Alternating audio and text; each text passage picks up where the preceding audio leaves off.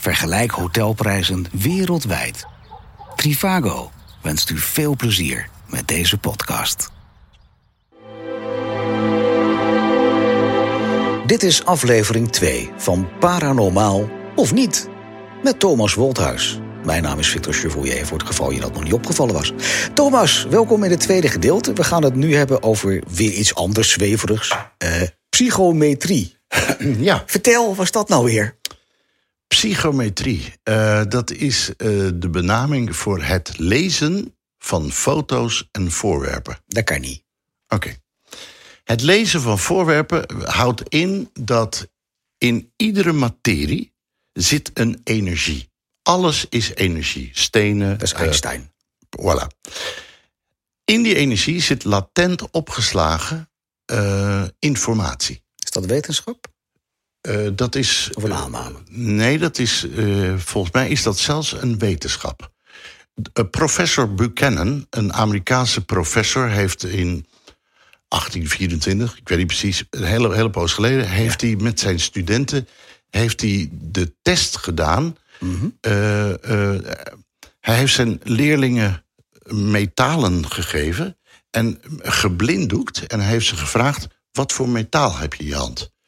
En de ene zegt: dit is, dit is zwaar, dat is licht, dat is zink, dat is Ja, koper, weet ik veel. Als je Nee, aluminium en lood Voilà, naast elkaar legt, dat dan kan dat- ik dat ook. Dan kan jij dat ook. Ja. Maar er, was, er waren een aantal leerlingen, of studenten, want we hebben het niet over leerlingen, we hebben studenten. Een aantal studenten die hadden bij messing de smaak van koper in hun mond. Nou, dat kan niet.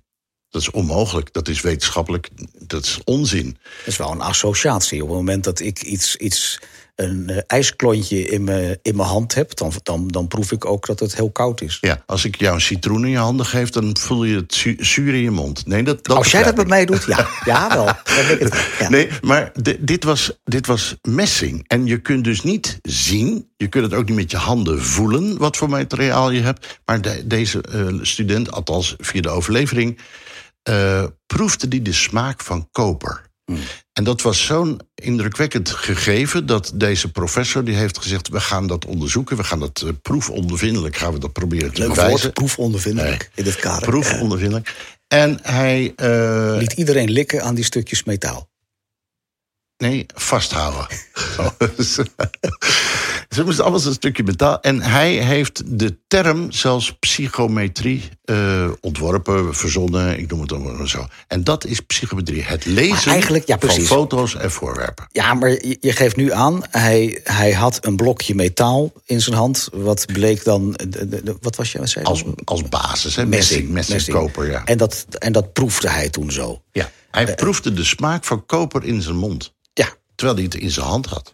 ja, het is wonderlijk. Maar psychometrie gaat toch verder dan dat? Ja, nou, daarom zeg ik ook... eh, dat Want was je het hebt het begin. over, over, over foto's. Je hebt het over ja, dat was foto's het begin. lezen. Je, over kunt je, namelijk, je kunt je namelijk trainen in het lezen. waarnemen van die energie. Voilà.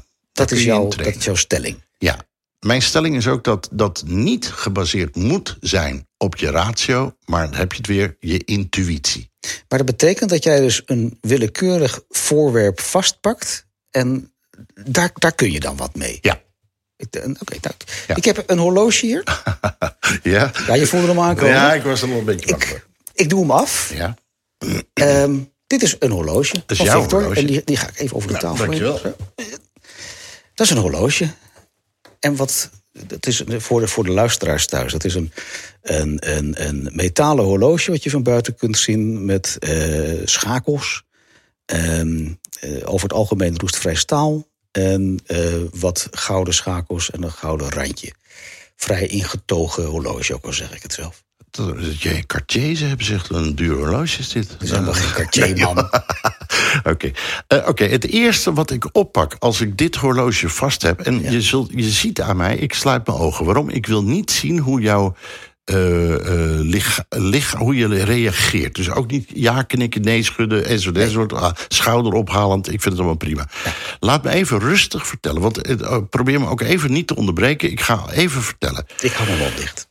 Ehm, jij zit op dit moment in een fase van je leven waarin jij zoekende bent naar een nieuwe weg. En die nieuwe weg wil niet zeggen dat je helemaal klaar bent met wat je hebt gehad, maar je probeert een alternatief te vinden voor hetgeen wat je eigenlijk al jaren uh, geprobeerd uh, probeert te dragen. Dat is één. Je hebt een jaar, anderhalf, twee jaar ongeveer geleden, heb jij een verandering mee moeten maken die jou vanuit een negatieve energiesfeer naar een positieve sfeer hebt geprobeerd te brengen. En dat lijkt alsof je daar uh, langzaam maar zeker inderdaad een, een stijgende lijn in ervaart. Dat is, dat is het eerste. dan kun je zeggen, ja, maar Thomas, dat haal je uit het voorgesprek wat we hadden voordat de microfoon aanging. Dat kan zijn, maar het, het is wel zo, het, het vormt het beeld. Oké. Binnenkort, en dan praat ik over tussen nu en we zitten nu in oktober 2020. Ik praat over de zomer van 2021. Ga jij daadwerkelijk een hele nieuwe weg bewandelen? Een nieuwe weg bewandelen alsof je nieuwe bronnen aanboort die jou stimuleren om jouw dagelijkse activiteiten meer power te geven. Ik heb heel sterk het idee dat er ook op jouw uh, uh, op jouw pad iemand aanwezig is, of op hele korte termijn, en dan praat ik over twee maanden, uh, op jouw pad komt die, met die jouw hand durft vast te pakken en zegt: Wij gaan samen een nieuwe weg bewandelen. En dat kan op radiogebied zijn, zoals dit of dat podcastgebied. Maar er, je staat namelijk op het punt om een nieuwe bron aan te boren, een nieuwe weg te gaan bewandelen. Oké, dat is één. Dan ga ik even, even helemaal terug naar jouw jonge jeugd, wat ik hier ook uithaal. En ik weet niet, dat, jij gaat mij straks vertellen of dat klopt. Maar jouw jonge jeugd, en dan praat ik over, je was een jaar of 10, 15, hooguit, ergens in die koers. Is er een behoorlijke verandering heeft, heeft plaatsgevonden in jouw leven? In jouw zienswijze, in je beleving, in je energie, enzovoort, enzovoort. Sterker nog, wat ik hier ook uit, ook uit opmaak, is dat jij in die periode een vrij negatief zelfbeeld had. Ik zeg niet dat je helemaal met jezelf in de klins lag, zo bedoel ik het niet, maar je had een vrij negatief zelfbeeld en daar wilde jij uit. Je wilde iets veranderen, je wilde daar een, nieuwe stimulans in vinden. Dat is eigenlijk de eerste drie, vier dingen die ik eventjes zo uit je horloge haal. Kan mag je ik weer praten? Ja, graag. Nu mag je okay, praten. Oké, okay, net, net mocht ik het niet, dus ik hou het Ja, dat is, oh, dat is een heel dierbaar horloge, dankjewel. Misschien moet ik hem dan zo nodig, weet ik niet. Ja, dat weet ik ook niet. Um, mag ik reageren? Ja, graag. Oké. Um, wederom, als ik vanuit mijn vakgebied als trainer-coach naar kijk... Uh, je meldde het zelf al. Er zijn heel veel mededelingen gedaan die je gewoon kunt putten uit de voorbesprekingen die we gehad hebben. Dat is niet zo nee. bijzonder. Uh, de geoefend luisteraar zou ook weten dat ja, er elk mens tussen 10 en 15 jaar in een puberteit zit en de verandering doorgaat, uh, negatief zelfbeeld heeft. Tussen de 10 en de 15, dan ben je wel heel snel bij. Daarmee? met de puberteit. Ik ben overal snel bij. Oh. Nee, maar stap je, het is, het is tweeërlei uitlegbaar. En, ik heb je dat horloge gegeven. Ja. Dat is een erfstuk van mijn, van mijn broer die overleden is, vijf jaar geleden. Ja. Ik had een beetje de hoop dat je daarop zou reageren. Oké, dat is jouw verwachtingspatroon. Precies. Ik denk, nou, als ik dan, nu gaat hij komen. Als ik dan precies. hij kwam niet. Nee, als ik dan precies.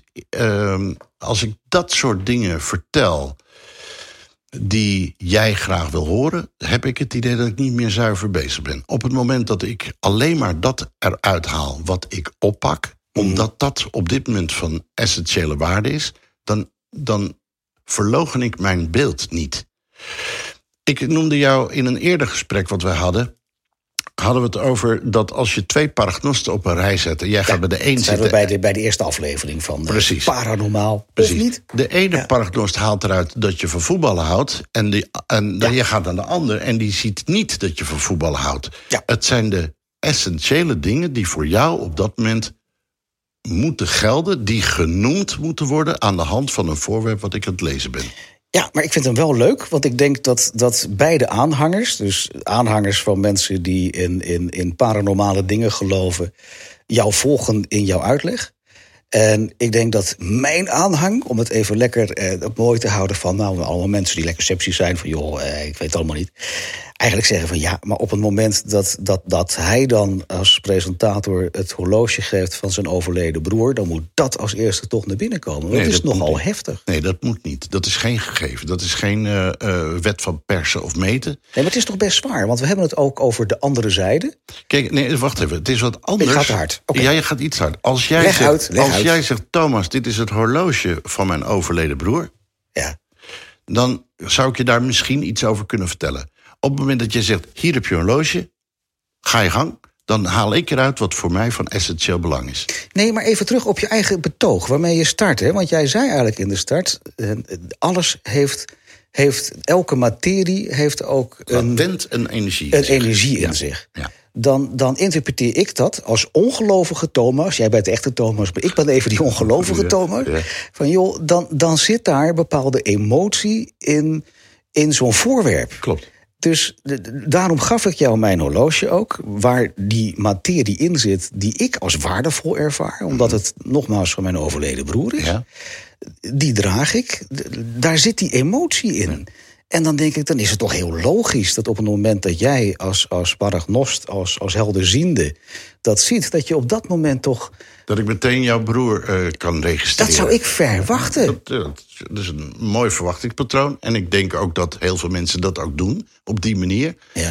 Ik laat mij niet leiden door wat jij vindt of wat jij denkt of wat je graag Nee, zou... Nee, ik, nee, of wat je ik. graag zou willen als cliënt, zeg maar. Ja. Ik laat mij leiden door wat dat, wat op dat moment van essentiële informatie is die ik met jou moet delen. Nee, maar klopt mijn redenering. Jij zegt, Oké, nee, maar ik jij even- zegt ik wil dat er dus wil- energie in zit. Ja, je mag zo jouw, jouw punt. Maar je zegt, die energie die ik daarin ervaar... Ja. dan, dan moet dat eruit komen. Dan Ja. is mijn verwachtingspatroon toch Anders. iets voor ja, nee, dat klopt. Hoe lang heb jij dit horloge al om? Hmm, zou het nu zijn, een jaar of eh, zes, sinds die overleden? Hoe lang heeft jouw broer dit horloge om gehad? 20 jaar? 22 jaar? Nou, dat zou dus inderdaad logischer zijn dat ik inderdaad de energie van je broer eruit zou halen. Daar heb je helemaal gelijk in. Ehm, ik wilde eigenlijk iets zeggen en ik ben het nu al even.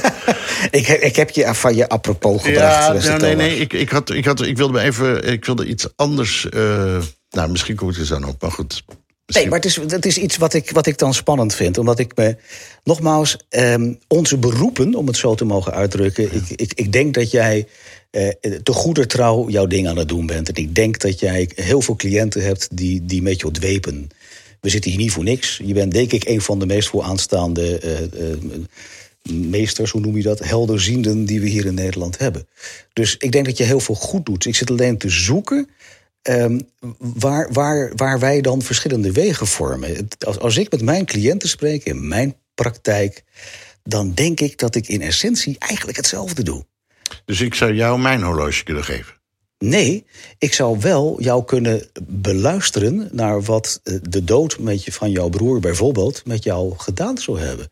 En ik geef jou dan vitamine A, zoals Maar ik dat dan- noem. maar dan- Vitamine aandacht. En dat doe jij ook. Ja, maar als jij over mijn overleden broer gaat praten, dan moet ik jou eerst dus de gesprekstof geven. Tuurlijk. Waar jij een. de- ja. Tuurlijk, anders kan ik er niet, want ik ben niet Voilà. helderziend, zeg Voilà. maar. Dus daar zit het verschil. Voor mij, ik pak een foto of ik pak een horloge of ik pak een ring en ik vertel jou de dingen die voor mij belangrijk zijn om aan jou over te dragen. En het is niet gebaseerd op feitelijkheden. Het is niet gebaseerd op wetenschap. Het is niet gebaseerd op eh, eh, dat je het kan herhalen, meten en dat vind ik belangrijker dan dat. Want dat, dat is niet de gegevens die je mij hebt meegegeven. Ik lees jouw horloge. Ja. En als ik dan dingen zie, want daar heb je trouwens geen antwoord op gegeven, maar ehm, Waar heb ik geen antwoord op gegeven? op, op of, je, of je de dingen kon plaatsen die ik zei. En toen begon je meteen in de verdediging. Dus je, Oh, ja, maar oh, nee, dat, dat wil ik zo. want Ik heb het rijtje opgeschreven hoor. Dus ik kan maar- zo meteen reageren als je het leuk vindt. Ik, eh, de- je, je probeert, en dat is ook goed, hè, dat is je goed recht trouwens. Ik vind het ook heel mooi als mensen wat sceptisch zijn tegen een paragnost. Ja. Maar als je elk, eh, elke opmerking die een paragnost of een medium je vertelt, wil weerleggen met wetenschap. De wetenschap en de paranormale wereld zullen, no- niet. die zullen nooit trouwen. En daarom zullen wij denk ik een fantastisch leuke podcastreeks gaan krijgen. denk ik echt. Dat Ja. denk ik. Nee, je doet het goed in ieder Ja. geval. Nou, jij ook. Ah, kijk, dat wil ik horen. Dat. Ja. wil ik horen. Ja. Ehm, wil je nog een. een eh, die- jij- jij hebt het volgende geroepen: ehm, dat ik zoekende zou zijn naar een nieuwe weg. Uh, en twee jaar geleden een keuze gemaakt heb. Nou, ik breng dat in alle eerlijkheid in relatie met wat ik net voor de opname vertelde. Dat wij met de praatkast begonnen zijn twee jaar geleden. Dus dat, dat is iets dat wat heb je... me niet verteld twee jaar geleden. Dat je hebt wel verteld dat je al, al enige tijd bezig was, maar je ja. de tijdspannen heb je er niet bij gegeven. Mijn beleving was dat, dat heb ik dat wel gezegd. Maar goed, dat is even, okay. ja, wel eens niet een spelletje, okay, dat geeft niet. Maakt niet uit. Uh, het is nu een stijgende lijn. Ja, ik voel me prima, joh. Uh, binnenkort zomer 2021 een nieuwe weg, een stimulans. Uh, we gaan het meemaken in, in, in, mag, ik, mag, ik wat, mag ik wat anders? Ik, dit heeft niks met psychometrie te maken, maar hoe oud ben jij? Wat is jouw leeftijd op dit moment? Ik ben 58.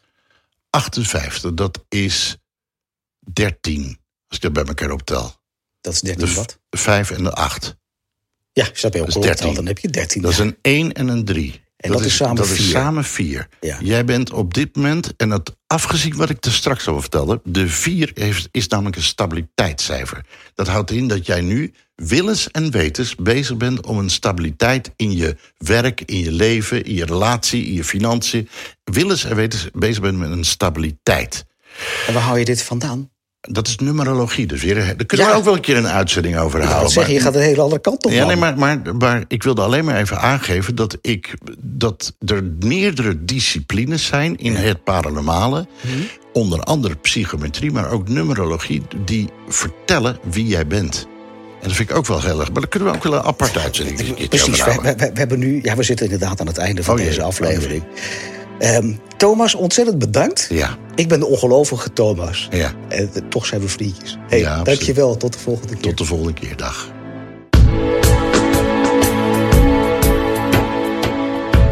Dankjewel voor het luisteren naar deze podcast. Om deze kostendekkend te kunnen blijven maken, zijn wij afhankelijk van sponsoren en donateurs. Doe je mee? Want als we verder willen groeien, en dat willen we, dan hebben we jouw steun hard nodig. Word donateur van De Praatkast met gesprekken die ertoe doen.